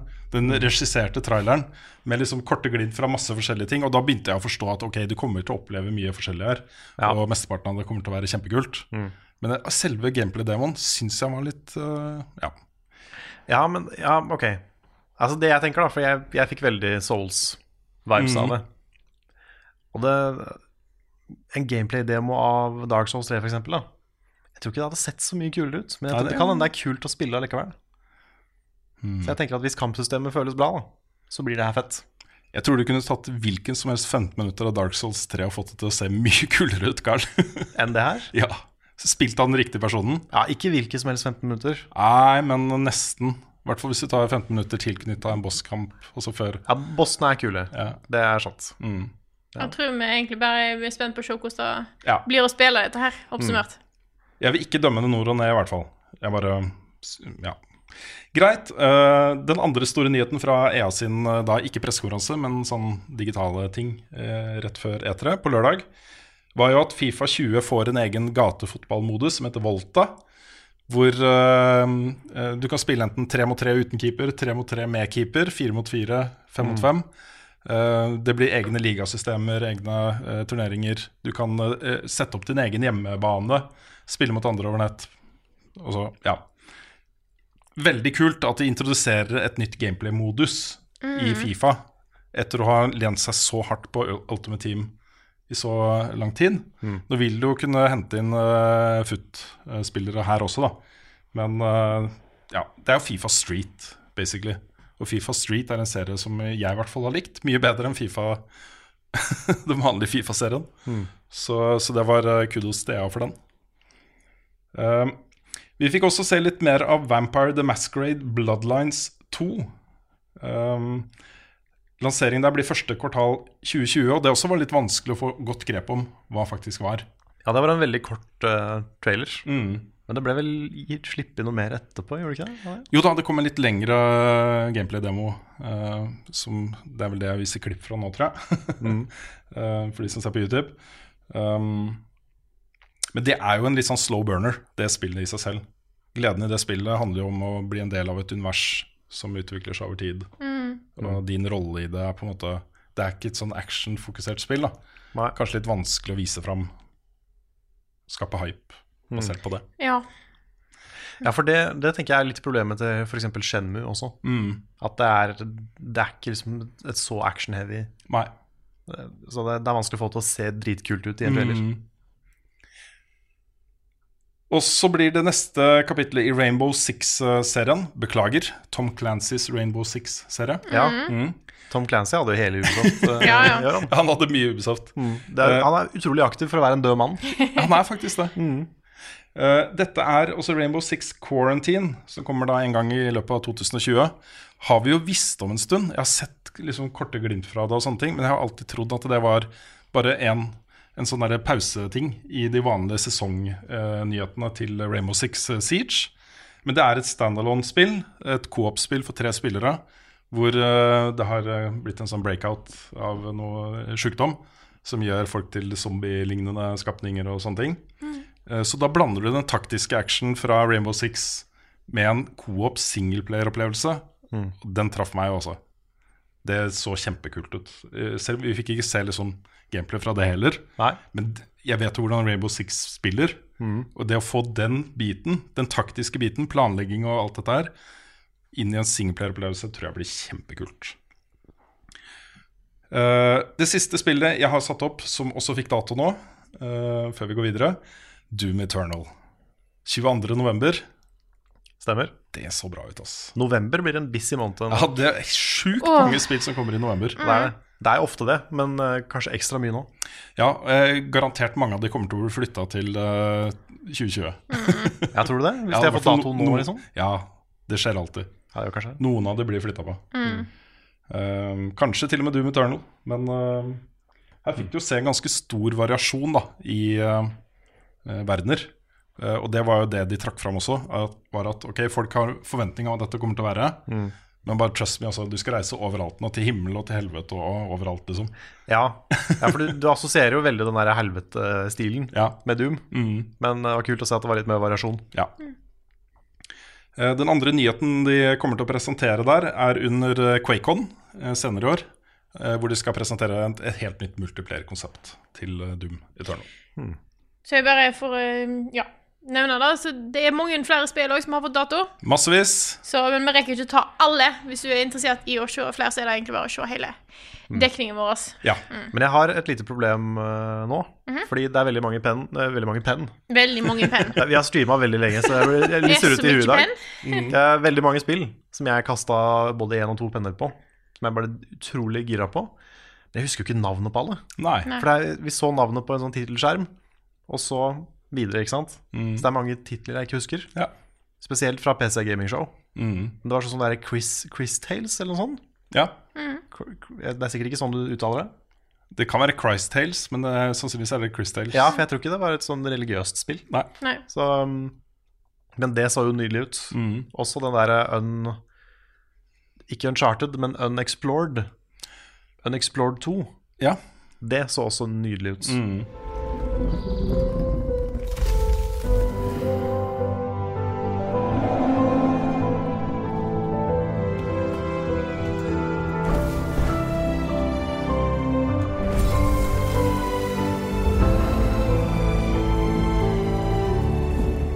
hadde jo faktisk en ganske sterk norsk tilstedeværelse på årets etere også. Nata Natasha fra Funcom dukka opp. Hun gjorde det. Dette er jo da på PC Gaming Show, hvor Funcom er en av sponsorene. Så de hadde jo på en måte kjøpt den plassen. Men hun klarte seg bra, altså. Ja. Hun var liksom utrolig trygg og god på scenen. Absolutt. Og den største nyheten Funcon kom med der, var jo at aprilsnaren deres fra i år, Conan Chop Chop, er ekte. Ja, Ja. Det kommer. det kommer. Og det ser ut som de gjorde på aprilsnarr-greia, bare litt kulere. Ja da. Litt mer lut, litt mer eh, fargesprakende og morsomt. Ja, og ikke så, ikke så sånn um, overdrevent uh, ha-ha funny Nei. heller, liksom. Nei, altså det var, jo, det var jo morsomt. Det så litt ut som en sånn eh, Sign and Happiness-cartoon, Ikke sant? men på riktig måte. Ja, så det kan jo bli kjempebra. Og det var jo morsomt når de viste fram det her, så kom det bare opp masse sitater fra folk. Bare vent litt, det her har jeg jo faktisk lyst til å spille og sånt. Jeg, jeg lurer på om hva rekkefølgen på ting er der. Om de hadde bestemt seg for å la, faktisk lage det før de lagde Aprilsnarren, og så bestemte seg for at det skulle bli en del av liksom Ja, jeg, jeg tipper Dette begynte som en aprilsnarr. Ja, Og så mens de lagde den, så fikk folk litt lyst til å lage det som et spill. det tror jeg også. Og så så de responsen 1. april, Ja. og bestemte seg for å lage det 2. april. Mm. Det er min ja. teori. ja. Men det er jo ikke direkte norsk. Det er jo lagd av et Australsk studio som lager det spillet. Mm. Det direkte norske som Funcom hadde på årets E3, var jo eh, Moons of Madness, som de nå er publisher av. Laget av Tønsberg Studio Rock Pocket, eh, Carl. Represent. Represent. Som ser dritbra ut. Også et Lovecraftian horrorspill eh, satt til, space. Ja, det er sånn, Jeg har lyst til å spille det, for jeg liker litt sånne der eh, skumle, ekle Lovecraft-ting. Men det så ut som det var litt for skummelt for meg. Det kommer til å bli veldig skummelt. Det kommer til å bli dritskummelt. Ja. Men, men Conan Chop Chop kommer til å garantert komme på en stream near you. Og så var jo også Krill- Krillbite på E3. Eh, Jon Cato og Adrian fra Krillbite dukka jo opp på uh, Jeff Keeleys YouTube-show. Mm, stemmer. Også YouTube-stream. Det var YouTube som var liksom arrangøren av streamen. Det var ikke på YouTube, det var jo på YouTube også. Ja, Men det var YouTube som var arrangør av pressekonferansen. riktig. Med Jeff, Ke Jeff Keeley som Ja. Skjønner. Men de har fått ganske mye god eh, oppmerksomhet rundt mosaikk nå. Det nærmer seg lansering. Folk digger liksom eh, visuelle stilen på det. Ja, men det har en så tydelig visjon. Det har det. Du skjønner med en gang hva det handler om. Ja. I hvert fall den traileren de viste nå, med blipp-blopp og sånn. Ja, for det var jo den store tingen de gjorde nå. Nå lanserte de da faktisk BlippLopp, som er et spill in game. Et meningsløst mobilspill hvor du bare klikker ting, og det har ikke noen funksjon eller mening i det hele tatt. Du bare er hekta på det, liksom. Ja. Det er lansert, og folk har blitt hekta på det. Jeg testa det jo eh, underveis i streamen, fordi at du skal jo bare trykke. Så jeg bare satt og trykka på, på sida der. Fordi at eh, når du har trykt nok ganger og fått nok poeng og kjøpt det videre, og- eller brukt de poengene til å kjøpe på en måte at Du kan få flere blops per blipp, da. Ja. Eh, så kom du til level 100, og da så det at du skulle få noe prestisje. Og jeg tenkte OK, dette må jeg sjekke ut. Så jeg nådde level 100, og da fikk du, eh, går du opp i prestisje. Så kan du begynne på nytt. ja. Ja. Da skjer, du får litt flere ting, da, så det er faktisk en spoiler alert. For de som Blipp-blopp-spoiler. Ja. BlippLopp, spoiler. Eh, men eh, når jeg tester det Jeg vet det er folk som er på en måte på run nummer tre. Og Ja, ja, greier, ja. og da er jeg, på en måte, jeg, har nå, jeg har kommet til level 100, fått uh, en prestige. Nå er jeg på en måte, Da har jeg testa det, da er jeg fornøyd. Så jeg kommer ikke til å spille mer blipp-blopp. Nei. Det hadde vært veldig gøy, men samtidig er jeg glad for at ikke de har gjort det. Om du kunne kjøpe blops Ja, nei, nei, nei. for ekte penger. For ekte penger, ja. Jeg spiller gratis og alt. Jeg er glad de ikke gjorde det sånn. Men det, var, det er clever. Det er veldig Det er clever. ordentlig clever, og en utrolig god tie-in til det, det spillet de lager. Og så har jeg også så sansen for Og så nå har jeg sagt tidligere flere ganger at jeg liker de der lange, detaljerte gameplay-demoene hvor man får se akkurat hva spillet er. Ja. Når det gjelder akkurat dette spillet, så gjelder ikke det. da Nei. Her vil jeg bare ha tonen og settingen og sånne ting. Uh, og det viste fram jo på en måte noe nytt her, men veldig lite av det. Det var en liten scene som ble zooma større og større ut, og så fikk du se liksom mer av hva den verden her eh, er for noe. da Og Det er jo et dystopisk uh, lite eventyr, dette her. Mareritt, uh, alt ettersom. Kan du si at det er faktisk ads i blipp-blopp? Ja, det er kjempekult. ads for uh, Ads Altså fake for- ads, da. Fake ads for Ja. Mosaikk. Ikke faktiske Facebook-ads, liksom. Nei, nei, nei. Så eh, det gleder jeg meg veldig til å spille nå. Det ble jo også annonsert som vanlig, og når man ser på den lista uh, over helt nye spill som vi ikke visste om fra før, og setter den liksom sammen med de største nyhetene fra årets etere, så er ikke årets etere så aller verst allikevel. Nei.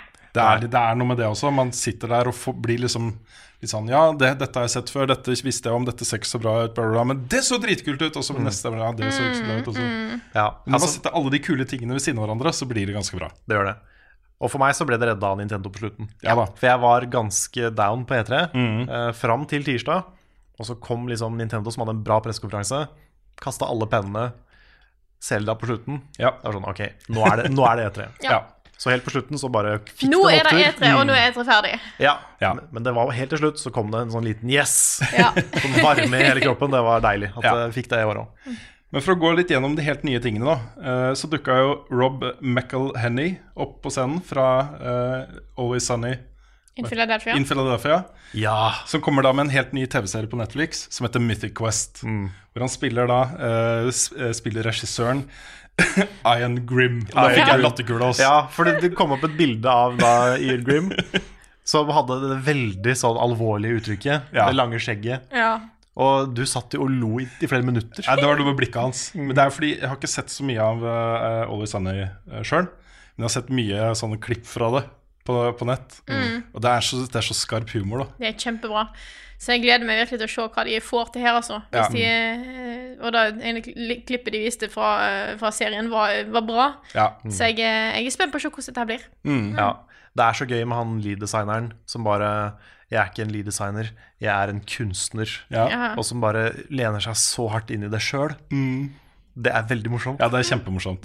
Ja, det her kan bli skikkelig bra, altså. Eh, han påstår jo at de gjør dette her med kjærlighet for spillmediet. Men det tror jeg på. ja, det tror Ja. jeg også. Fordi det der var for autentisk til å være liksom, Ikke sant? Mm. Ja. Så det blir gøy. Eh, Jeg tror den kommer til høsten, hvis ikke jeg husker helt feil. Men jeg er ikke helt sikker. Nei, vi også slenge inn en anbefaling hvis ikke du har sett The Guild. Ja. Se The Guild, for det var, det var på en måte The Guild som starta hele den der eh, humoren rundt Altså komedie rundt spill. da Mm. Ja. Og spill, og MMO-er og Mm. Det virker som de har tatt veldig inspirasjon fra de siste sesongene av The Guild. ja. Det var også satt i en sånn spilldesign eh, Kult, kult.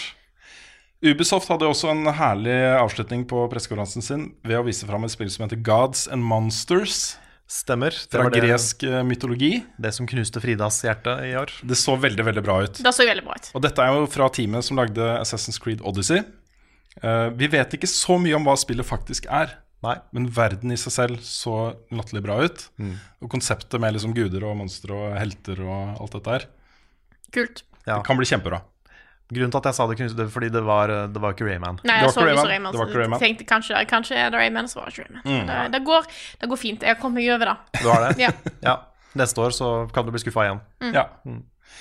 Og så var uh, Lyon-studioet til Arcane uh, på etere med et nytt spill som heter Deathloop. Som uh, også vanskelig å få tak på akkurat hva man gjør. Uh, det de har sagt, er at hvis du kjenner uh, Dishonored-spillene fra før, så vil det være også Det er på en måte inspirert av den samme uh, fremgangsmåten, hvor du gir spillerne en mulighet til å velge selv hvordan du skal løse utfordringer.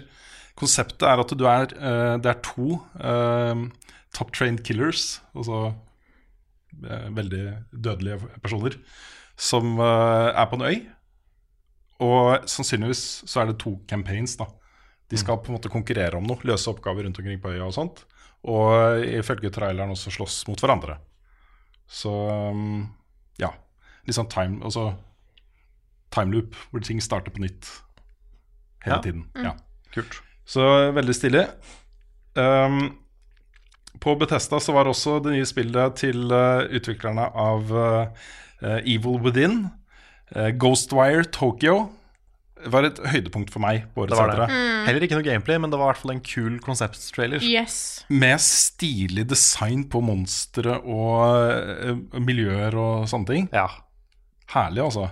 Ja, det, var, det så ordentlig kult ut. Mm. Ikke minst så var hun lead-designeren utrolig sjarmerende og Ja. kul. Ja, Vi fikk en ny stjerne på spillutviklerhimmelen der, med Ikumi eh, Nakamura, som jo eh, var an, visuelt ansvarlig for Evil Within-spillene. Ja. Og hun har jo da gått eh, på en måte i lære hos eh, Shinji Mikami, legenden Shinji Mikami fra Capcom og Resident Evil og sånne ting, eh, og fått nå ansvaret for dette spillet. Hun er øverst ansvarlig for det spillet. Kjempebra, altså. Kult å se. Mm. Det fins jo ikke en drøss av kvinnelige lead-designere i Japan, Nei, ikke i Vesten heller, for så vidt. Men, Nei, det er eh, også sant. Ja. så det er jo bra. Men i hvert fall ikke i Japan.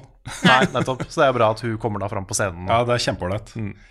Eh, veldig eh, Hva skal man si en, en positiv ting, da. Mm. Positiv kraft på etere. Et annet skrekkspill vi fikk eh, ut av det blå, var Blair Witch. Ja. Ja, Fra utviklerne av Observer. Mm. Hvor det var liksom ah, mer og mer sånn Dette ser jo veldig ut som Blair Witch. Og så kommer det til slutten, og så står det da en person med ryggen til inni et hjørne. ja fordi alle før den logoen kom, Ja. så tenkte vi jo Outlast. Det så veldig Ja, ut ja, som så veldig som Outlast. Du så ting via et videokamera og sånne ting. Men Outlast er jo da veldig inspirert av Blair Witch. Ja, sant. Så det er ikke så rart. Nei. Så, men det var Det starta som en sånn her Dette er kjempeinspirert av Blair Witch, til det zoomer ut og ser liksom logoene i trærne. Og det er Blair Witch. Det er Blair Witch. Er det, er det, over, det er over 20 år siden den filmen kom, er det ikke det? Altså, jeg husker den Jeg tror ikke det er over 20 år, er det? Jeg tror det, altså. Jeg trodde jeg var eldre enn 10, holdt på å si, da det, eller 11-12 da den kom. Kanskje ikke. Nei. Det, er- det er lenge siden. Det er lenge siden. Det er lenge siden. Ja. Uh, det kommer allerede 30. august, Ja, så det er ikke så lenge til. Uh, kan bli kjempebra. Uh, et annet spill vi ble veldig gira for, var et spill som het 12 Minutes. ja. Dette er fra en spillutvikler som heter Luis Antonio. Og han er tidligere ansvarlig for den visuelle greia i The Witness. Så Han som har lagd eh, grafikken i The Witness. Ja. Mm. Dette er hans eget spill. Dette er også en timeloop på tolv minutter. Eh, foregår innenfor et lukka rom. Du ser det ovenifra. Eh, det er et drapsmysterium Mm. osv. Så, videre. så må du da bruke det du lærer for hver nye syklus til å komme deg videre. ja, sånn Groundhog Day, Edge of Tomorrow-stil. Eh, både den visuelle stilen her og konseptet likte jeg veldig godt. Mm. Og så ble det annonsert eh, to nye Lego-spill. Ja. Det ene er en uh, DLC til eh, Forza Horizon 4. Hvor du da kjører som legobiler. Mm. Med den sangen 'Everything Is Awesome'. Ja, den eh, er ikke med her, men eh, det var Jo, den var jo i traileren. Ja, men jeg spiller ikke av den sangen her. Nei, nei. Nei. sånn, ja. Nei. Nei. nei, det er greit. Men det andre var da eh, Lego Star Wars, The Skywalker Saga. Syv filmer i ett spill. Ja, sju, ikke ni. Ja, kanskje det var ni? Jeg tror kanskje det var ni, også. Ja, det kan ha vært ni. Ja, de burde ha alle ni hvis de skal kalle Ja, den for ja, ja. The Skywalker Saga. Ja, ok, greit. Beklager. Uh, ni filmer i ett spill. Yeah. Mm. Uh, jeg er litt usikker på hva de kan gjøre som er nytt jeg, med Star Wars. Fordi Lego Star Wars-spillene har jo vært kjempepopulære, og veldig bra, ikke minst. Uh, hva nytt kan de gjøre? Nei, si det. De har jo mye mer å ta av, da. Ja, det Ja. har de. Så de kan jo kanskje bare fokusere på høydepunkter gjennom hele, Mm. hele spillet. Ja. All right. Um, det er på en måte det jeg har satt opp av nyheter fra årets setere. Det er jo masse mer vi kunne ha snakka om. Ja. Yes. Kan jeg trekke fram det, altså oppfølgeren til Her Story? Er det Telling Lies? Ja. Telling Lies, ja. Ja, den er jeg veldig spent på. ja. Fordi Her Story er så unikt. Det fins ingen spill som er sånn som det. Nei. Og nå kommer et nytt spill som er sånn som det. Og det er bare yes, Ja da. give me. Jeg vil også eh, trekke frem, Vi har snakka om eh, Microsoft og Nintendo sine pressekonferanser. Jeg vil trekke frem Devolver Digital sin Ja. igjen. Den var, eh, den var bra. Det var fortsettelse på historien de har bygd opp de siste to årene, og lagt opp til historie videre. Eh, så jeg gleder meg til å se hva de gjør videre, men det er alltid et mesterverk av en pressekonferanse. Eh, hvis ikke du har sett den, så anbefaler jeg å se den i sin helhet. Eh, den er Kan jeg, kan jeg komme med en ending prediction Ja. til hele Devolver Digital-historien? Det er at Nina Struthers havner detter i et lavabasseng, og istedenfor å gi en tommel opp, så viser du fingeren. ja. Det er my prediction ending for hele Devolver-historien. Ja, det har vært veldig, veldig, veldig morsomt. Eh, ja. Det har jo skjedd et par andre svære ting i uka som har gått. uh, og vi må være innom det også. Uh, det ene er jo selvfølgelig Google Stadia. eh, avdukingen, på en måte. Altså detaljene rundt lansering og sånne ting. Dette er jo da eh, tjenesten til Google som handler om eh, streaming.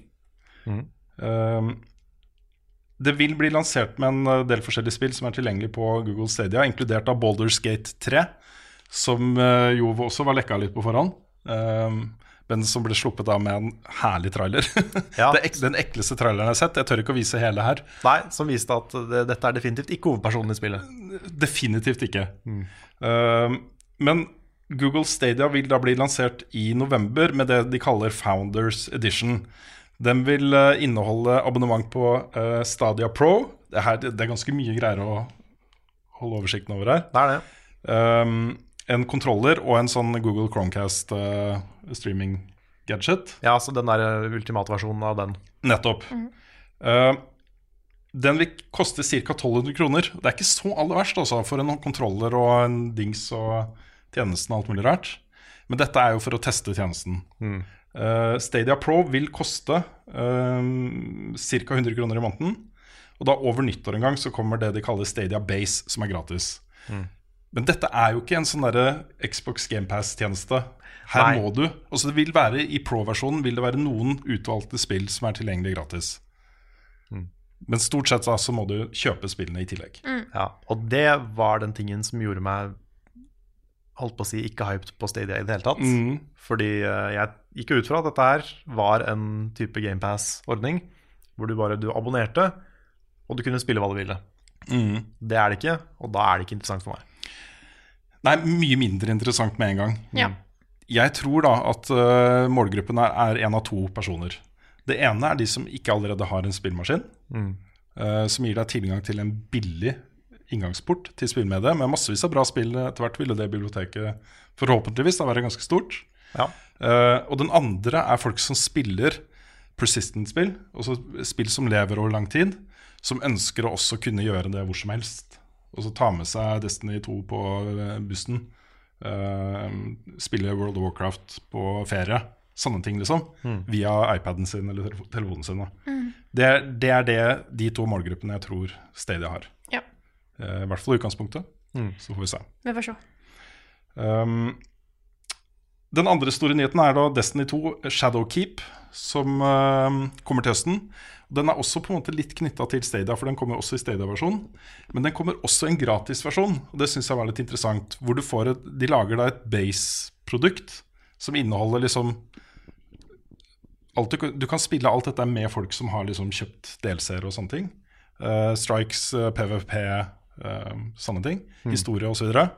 Mens endgame-ting og DLC vil da være ting du fortsatt må kjøpe. da Men det at folk kan spille det gratis, det er ganske kult. Og når det da i tillegg kommer crossplay, altså ikke crossplay, men cross-save Ja. At du kan ha en, uh, kjøpt det på PlayStation 4, du kan ha kjøpt det på PC. Spille med samme rolle, uh, characteren din, liksom. ja, det ble jeg glad for å høre. Mm. For jeg har jo min PS4-character, som jeg har hatt helt siden Destiny 1. Ja. Og nå er det litt lettere å liksom starte på PC, kanskje. Mm. Hvis jeg kan ta med meg den characteren. Uh, Shadowkeep, da. Yes. Vil jeg være tilbake til månen. Eh, og det kommer uh, masse nyheter der etter hvert, uh, som er basert på at Bungie nå ikke er avhengig av Activision lenger. De publisher det selv og bestemmer selv hvordan det skal se ut. Uh, we making a new kind of action adventure game. It's spooky. but not the survival horror game that we are known for. Dette er jo ikke bare en spillukeepisode, dette er jo òg litt eh, Level Backup-podkast i tillegg. Så da tar vi selvfølgelig et, pod et spørsmålssegment. Mm -hmm. Vi har fått inn masse E3-relevante spørsmål, så vi får tatt noen av dem. Vi kan begynne med et som er fra Tom Arne Oppedal, som skriver Eller som spør hva er de topp fem favorittspill fra E3. Og jeg har tenkt å sette opp da topp fem hva spill vi gleder oss mest til å spille fra E3. Eller noe, cirka noe sånt. Ja, noe sånt. Yes. Har du lyst til å begynne, Rune? Jeg kan godt det. Eh, det var, jeg var litt usikker på hva jeg skulle plassere på toppen av Elden Ring Ja, og eh, Breath of the Wild eh, 2. Men det blir Elden Ring. det blir det. Altså det er Rent personlig, det jeg gleder meg mest til å spille, er det. Det er det er ganske, jeg, jeg er ganske klar på det, altså. Selv Ja. om begge to er liksom der oppe. Men jeg har Elden Ring på topp. Ja. Skal vi ta hver vår på topp først? Er det der vi begynner? Nei, altså nå har jeg, klart å finne Jeg finner ikke lista mi nå, sånn at jeg tenker jeg bare, skulle, jeg bare lar dere snakke til jeg finner den. Ja. Jeg kan godt, Skal jeg bare kjøre gjennom? Ja, kjør gjennom Yes. din. Ja. Da på andreplass Zelda Breath of the Wild eh, 2. Eller eh, hva man skal kalle det. Eh, på tredjeplass er Doom Eternal. Okay. Det er eh, Altså, Doom-rebooten var amazing. Og dette ser bare ut som enda mer bunkers. Mm. så det gleder jeg meg veldig til.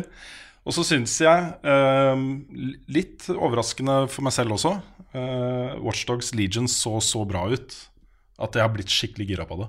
Jeg gleder meg ordentlig til å spille det nå. Um, på femteplass har jeg satt opp Ghostwire Tokyo. Ja, kult. Fordi det, det ser ut som man gjør en del nye ting med horrorsjangeren. Og jeg er glad i horrorsjangeren. Og jeg liker, jeg liker sånne visuelle um, annerledes spill i horror. Sånn ting som er freaky fordi det er så godt laga, liksom. Så ja, det ble min femteplass. Der er det sikkert 100 andre spill jeg kunne plassert, men eh, det ble den. Ja. Jeg har, eh, min liste har jeg satt opp som en sånn topp fem announcements-ting. Ja. Så det er, det er ikke nødvendigvis spill alt sammen. Nei, Er det det er innafor? det er greit for meg. Ja, så dette er, dette er en E3 topp fem. Ja, Så på femteplass har jeg også Watchdogs. Du hadde din på fjerde, hadde du det? eh, det stemmer. Ja, min på femte. Watchdogs, da Watchdogs 3. Hva er det det heter igjen? Legion. Legion. Watchdogs Legion. Det var, det var en så bra gameplay-demonstrasjon. Og det er første gang jeg faktisk har fått skikkelig lyst til å spille et Watchdogs-spill. Ja. Så eh, kudos for det. Og så på fjerdeplass har jeg satt Banjo Kazooie i Smash. bare fordi jeg ble så glad for det. Ja, jeg så det. Det var, det var så hyggelig. Og det har vært på ønskelista mi siden uh, lenge. Kanskje siden Brawl, liksom. Ja. Så um, veldig kult. Tredjeplass, Final Fantasy 7 Remake. Det var en lang og spennende gameplay-demo med en ganske heftig bossfight. Den første bossen i spillet var litt mer spektakulær enn den var i originalen. Og så fikk vi se Tifa og Aerith. Og Hvor er Tifa? Der er Tifa! der er Tifa. Jeg, spurte, jeg etterspurte Tifa, og så kom Tifa. Ja, umiddelbart etterpå. Umiddelbart etterpå. Ja. Det var veldig bra. Det var ordentlig morsomt. Jeg er så spent. Det er eh, litt redd, men spent. Mest spent. Ja. Og så, andreplass, ikke førsteplass, har jeg Elden Ring. ja. Men det er fordi nå har jeg lagt vekt på announcements, og jeg visste jo om Elden Ring fra før. Men, eh, men det er jo det spillet jeg gleder meg mest til å spille. Det, jeg håper det, det er Souls-like. Samtidig håper jeg det har gjort noe med combaten, for å på en måte Fordi Sekiro er så utrolig kult å spille. ja da. Så kanskje det kan bli litt kjedelig å gå tilbake til det gamle. Ja, men jeg tipper jo for eksempel, da Dette er en open world. Du får en hest, eksempel, eller en mount Ja av et eller annet slag. de, de kommer til å gjøre sanne ting, ikke sant? Ja, sant. Ja, det blir spennende å se. Mm. Og på førsteplass, sjokkerende nok, Selda Breath of the Wild 2. Mm. Det er fordi det var den største overraskelsen. Ja, uten tvil den største overraskelsen Ja, på, på årets etere. Ikke forventa å se det. Niks, ikke heller. Det var et uh, usannsynlig håp. Det sa jeg også før vi gikk på. Ja, ja. Liksom, min drøm er å se noe nytt fra enten Mario eller Selda. Mm. Og så kom det. Yep. Så uh, Selda på toppen. Ja. Jeg har eh, Femteplassen min er litt sånn cheaty, men det driter jeg i. Eh, femteplassen min så står det eh, alle de kule indiespillene jeg kaster penn på. Indiespill er jo blitt eh, liksom my kind of thing, og jeg, det er for mange der til at jeg kan si én. Eh, hvis jeg skal si én likevel, så tror jeg det blir Fall Guys. Ja. Som var et festlig Fall Guys. Ja. Ja. Vet du hva, det, er, De glemte jeg å sette opp på sendeplanen her. Fall Ja. Guys burde vi snakka litt mer om. Yes. Ja, det er sant. Det er Wipeout. Altså litt sånn japansk gameshow-spill. Takashis Castle Uh... Riktig. Ja. Battle Royale. Battle Royale. Oh, så plattform Battle Royale. Ja. God kombo. Yes. Så har jeg her på eh, fjerdeplass Så har jeg det, det er tight i toppen her, da. Så jeg setter jeg opp eh, Animal Crossing. Tredjeplassen går til Luigi's Mansion. Andreplass Ori and the Will of the Wisps. Og selvfølgelig er det Selda på toppen. Jeg kan ikke ha noe annet enn Selda på toppen. her det er. Sånn er det bare. Nei, Nintendo vant eh, E3 2019 med den announcementen der, altså. Ja, de gjorde det. Og det er så lenge siden de har vært så bra. Ja. Så det var litt hyggelig at de vant, syns jeg. Mm. Nå er Nintendo liksom back on top Ja. på E3, og det er lenge siden. Ja. Det er sånn 2012-13 eller sånn. ja, det kan tenkes. Nei, det var helt herlig, altså. Mm. Yes, da uh, har- rekker vi et par spørsmål til. Ja. Så jeg gir deg et uh, spørsmål, Rune. Kan jeg bare skyte inn veldig kjapt Ja. at uh, Final Fantasy 8 fikk en remaster? Ja. Og det glemte jeg å nevne i stad, så jeg ville bare nevne det. Fordi det er mange som har etterspurt det. Og det er kult at det spillet blir mer tilgjengelig. Så um, liten hype på det nå. Mm. Right. Yes, Rune? Altså, det er jo mange interessante spørsmål her, da. Ja. Um, eh, et av de er fra Silacoid, eh, som skriver Virker som det er kraftig tørke på Triple A-titler nå. eh, Både på E3 og i release-kalenderen. Er dere enige, og hva tror dere dette kommer av? Avventer selskapene neste plattformgenerasjon? Eller er det slipsene og nye forretningsmodeller som vinner? Det er nok en kombinasjon, men det er alltid rett før utgivelsen av nye konsoller, en ny generasjon, Mm. så blir det en liten dipp. Det kommer ut, altså De tingene som kommer ut som er bra, er gjerne det beste som har kommet Mm. i den generasjonen. Men tenk òg litt på at det var noen store trippel A-spill som snart kommer, som ikke var vist pga. Sony ikke var her. Ja. Ghost of Tsushima og The Last of Us 2. Det òg ligger der og venter nå. Ja da. Mm. Death Stranding. Death Stranding. Ja da. Ja. Ofte kommer jo de beste spillene rett før en ny generasjon. Ja. Mhm. Det Last of Us kom jo rett før PS4. Mm. Men det som gjerne skjer, er at hvis sitter et stort team på noen hundre personer og lager et megaspill, Mm. eh, så nærmer det seg utgivelsen av en ny generasjon. Og så må man ta et valg. Skal vi gi dette på denne eller neste? Mm. Og så er det da mange som velger å gi ut på neste. Eh, Det er jo den diskusjonen som gjøres da i, i samarbeid med uh, utgiveren, selvfølgelig. Mm. Um, men ofte så skjer det, da. Det, det du kommer til å se mye, er, mye av nå, er eh, dual-lanseringer. Til forrige og nye generasjon samtidig. Mm. Uh, rett og slett fordi arkitekturen i uh, de nåværende konsollene, PlayStation 4 og Xbox One, Mm. og de nye PlayStation 5 og uh, Scarlett, er relativt lik. Det er PC med bedre hardware. Mm. Men det er til og med samme uh, chip-produsent med AMD. Så det skal ikke være så vanskelig å skalere det til de to forskjellige konsollene. Men vi vet jo at eh, altså, PS5 skal jo være bakoverkompatibelt, yep. så da skal det jo være mulig å få til noe greier der. Helt riktig. Mm. Yes. Har du et spørsmål, Carl? Carl? Ja, jeg har et spørsmål her fra Sigve Ruud Dankel. Han spør har dere en all time favoritt E3-konferanse. Og jeg har det. Ja, da rekner jeg, jeg tror jeg vet hva det også. Ja, det tror jeg, ja. Det, det var det året vi var på E3. Mm. Eller ett av åra vi var på E3. Og så eh, Sony 2015. For da var det Final Fantasy 7, det var The Last Guardian, det var Shenmue 3. Det var en lang remse av kule ting. Ja. Og den stemninga i salen og bare den følelsen av å være der. Det er ingenting som kan slå det. Altså. Mm. Jeg, tr jeg tror min blir Sony for blir det tre eller år, fire år siden. Da de viste blant annet God of War. Jeg tror det er tre år siden. Jeg tror det er tre år siden. Det blir tre år siden. Den var, det var en solid pressekonferanse. Mm. Det var det. Mm, Det var da de hadde jo liveorkester og masse greier. Mm. Mm. Min favoritt er ikke en hel konferanse. Det var en sånn behind closed doors-prestasjon av Half-Life 2.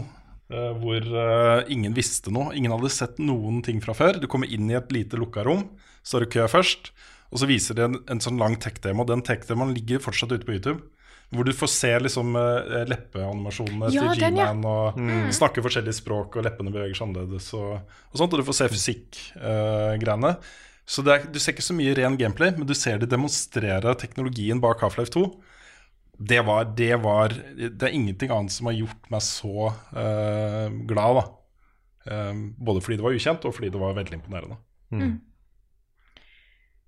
Så eh, skal vi, kan jeg ta neste spørsmål her? Ja. Det kan dere. Det er en interessant diskusjon som kom litt opp underveis òg. Dette er fra Lars Petter Gjelsten Bø, som spør hva syns dere om å bruke kjente skuespillere i spill med deres eget ansikt, når man så enkelt kunne modifisert de? Er det kult, kleint, føles det bare kommersielt, eller funker det? Og der er jeg litt opp og ned, fordi at jeg tror at hvis du ender opp med å bruke Altså Det funker hvis du har en skuespiller som går inn i ett spill, og da er det, så får på en måte den karakteren der. Men du, jeg føler jeg mister litt sånn immersion av det. Jeg er veldig for å bruke skuesp altså, gode skuespillere som kan gi gode karakterer, men at du på en måte det er de som gir bevegelsene og stemma eh, og utseendet noe annet, f.eks. Kratos og sånne ting. Jeg syns du, du får ikke helt den der samme connection til en spillkarakter når du vet at på en måte, jeg kjenner igjen den personen her, den har vært med i de alle andre disse andre filmene og sånne ting, men det er kanskje Det er litt opp og ned, altså. Jeg tror det har mye med Uncanny Valley å gjøre. Ja. For jeg tror at vi er på vei over i en uh, situasjon hvor uh, det er lettere å plassere skuespillere. Like lett, kanskje til og med, som det er i film. ja. Også det at samme skuespiller spiller 100 forskjellige roller i forskjellige filmer, er jo ikke noe problem. Nei. Ikke sant? Og det bør ikke være det i spill heller. Men jeg tenker jo mer igjen at det, er, det spørs om de bare er med i storyen, eller om det er du som spiller de. Tenker jeg igjen òg, da, fordi at eh, en film er ikke like immersion. Eh, interaktivt, da kan du si, som spill. Eh, spesielt hvis det er da på en måte jeg skal styre en hovedkarakter som er en veldig kjent skuespiller som har for andre ting, så kan jeg kanskje få en litt vanskeligere å få connection til den karakteren. Dette er litt mer synsing. Eh, dette får jeg også testa ordentlig når jeg skal spille Death Stranding, f.eks. Um, så jeg er litt spent på å se hvordan det Ja, fordi sånn som i sier Beyond Two Souls, da. De var jo veldig tidlig ute med å bruke kjendiser. Jeg husker jo Ellen Page og William Defoe mer enn jeg husker karakterene, Kanskje. på en måte. Ja. Jeg husker at Ellen Page var med, Jeg, jeg trenger litt tid på å komme på at å, hun het Jodie, og hva Willem Defoe spilte. Ja. Men jeg husker liksom skuespillerne isteden. Så det er, jeg vet ikke, det er kanskje, kanskje dumt. Men um, jeg vet ikke, det kan hende det er mye lettere med motion capture hvis du bare bruker ansiktet. Ja. Det vet jeg ikke. Fordi altså, Thanos ser veldig bra ut, men det er mye som ikke ser så bra ut som Thanos. Ja da. Så jeg, jeg, jeg, jeg syns for så vidt også Beyond er et godt eksempel der. For, jeg, for meg så funka det, da. Ehm, det at eh, William Defoe hadde vært i studio med alle de prikkene på ansiktet sitt. Så det var hans ansiktsbevegelser og mimikk som vi fikk. Um, dette er jo proffe skuespillere som kan faget sitt ikke sant? og kan lage liv, gi liv til rollefigurene sine. Og det, det trenger jo spill, med det. Ja da. Um, og Ja. det, det, og så Se prestasjonen til hun som spilte Senua i Senuas uh, Hellblade, Senuas uh, Sacrifice. Ja. Hun er ikke en kjent skuespiller, men det er jo en skuespiller. Det er jo hennes ansikt du ser, og det er hennes mimikk, og det er hennes stemme. Og alt dette er det er hennes prestasjon da, som kommer ut i spillet.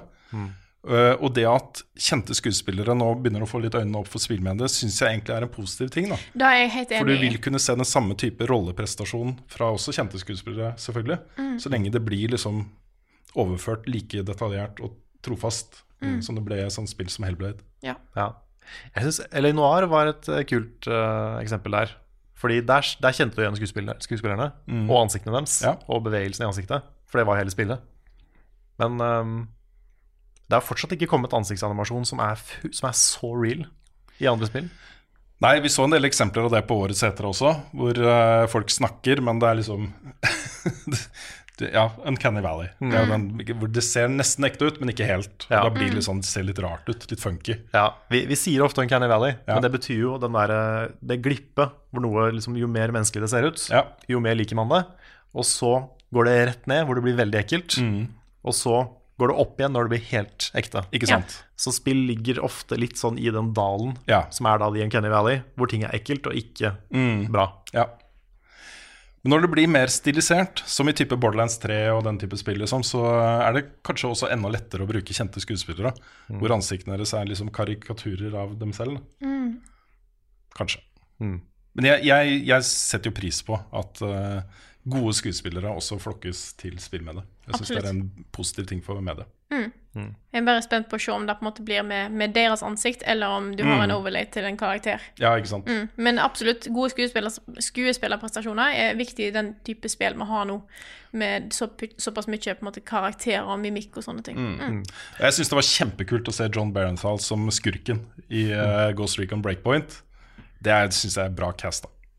Ja, ja, sånn, sånn casting treffer ikke meg helt, for det virker som det er veldig sånn kjendiscasting. Mm. Men, øhm, men samtidig, da. Det er ikke sikkert det er det samme, samme problemstilling.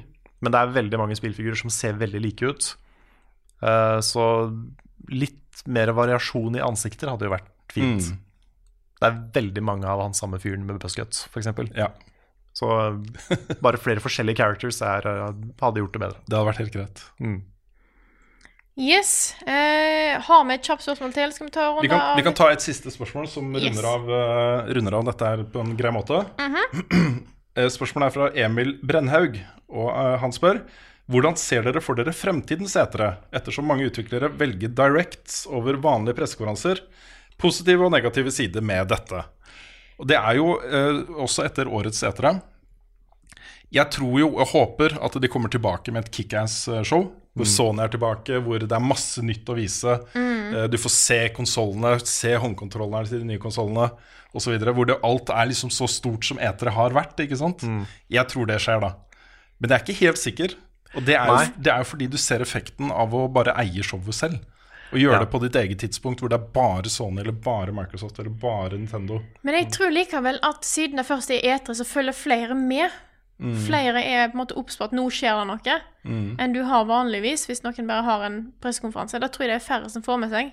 Det er såpass mange som kjenner til og vet om etere nå, at uh, jeg tror det er fortsatt en, en, en veldig god mulighet for, for alle de ulike industriene, inkludert indiespill og sånt, faktisk å vise seg litt fram. Mm. Jeg tror, ikke, jeg tror nok ikke at det er på en måte helt slutten ennå, men jeg er spent på å se hvordan det blir. Ja, jeg, mange av de beste spillpresentasjonene jeg har sett de siste årene, har vært hvor studio selv bare har lagd et like, lite Twitch-studio eh, på et kontor hos seg selv. Satt opp Ja. noen kameraer, så sitter liksom game director og bla, bla, bla, og så snakker i detalj i en time om spillet sitt. Viser fram masse og diskuterer og svarer på spørsmål og sånne ting. Det er på en måte de beste prestasjonene jeg har sett, da. Ja, det er sant. Også hvis du, hvis du ser på revealene av både PS4 og Xbox One, da, så skjedde jo de på egne konferanser som ikke Mm. var på E3. Ja. Så jeg vil tippe de gjør det samme nå. Mm. Men jeg håper jo også at de kommer på E3 og viser en del kule ting. Ja, for det, det som er bra med E3, er jo den derre festfølelsen hvor man har liksom en uke i året. Hvor man feirer spill med det. Egentlig først og fremst blockbuster-siden av, da. Mhm. Altså det, det spektakulære, liksom. Ja, en Ja, ja, ja. veldig kommersiell og trippel A-basert feiring. Absolutt. Men også, som du sier, det er mange indiespill som får god plass på etere også. Eh, og det har jo mye med å gjøre at uh, mange av disse indiespillene har jo også Ja, de er mindre i skala, men i produksjonsverdi og kvalitet så er det mange av de som er vel på høyde som svære blockbuster-greier, liksom. I hva man får ut av det som spiller. Og det er flere og flere som oppdager det og opplever akkurat det der. Og Sånn sett så har de en naturlig plass da, sammen med disse Triple A-tingene. ikke sant? Så jeg, jeg håper jo at eh, Eter overlever, eller i hvert fall at vi får en sånn uke hvor vi feirer spillmedier på den måten her. Og kan sitte på et kontor i Oslo og livestreame midt på natta for eh, 2000 mennesker. Og det er hype, liksom. Vi er gira, og vi får se nye greier som er dritkule og alt det der. Fant ikke ut at vi hadde over 5000 unike innom. Eh, På, på første, Vi må jo sjekke statistikken. På første dagen med Microsoft så hadde vi over 5500 unike seere innom. Ja, Det er kjempebra tall. Så ja, på Twitch er det veldig veldig bra tall. Ja. Absolutt. Så, så det er jo gøy, da. Og det, Det vis, gøy. det viser jo litt uh, interessen. Mm. Det er en fin anledning for å samle redaksjonen vår Da. Ja. Ja, i det hele tatt. absolutt. Det er good times. ja. Så vi håper at vi er samla igjen neste år til E3 2020. Og det kan jo bli det beste E3 ever.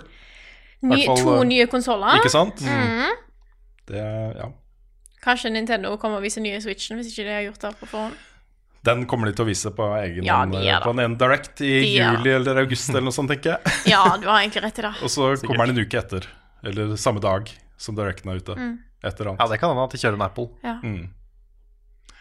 Det blir spennende å se hva E3 gjør framover, men dette var i hvert fall en god avrunding for eh, E3 2019. Mm. Og med det så kan vi òg runde av den podkast slash spilluka her. Det kan vi gjøre, og Hvis du ser den her på YouTube, så vil du nå få litt mer sånn utvida gameplay fra uh, Watchdogs Legion-presentasjonen. Ja. Det syns jeg er verdt å avslutte denne episoden her med det.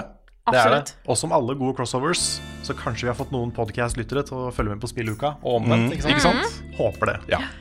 Så vi vil jo uansett eh, si en stor tusen takk til alle dere som støtter oss på Patron.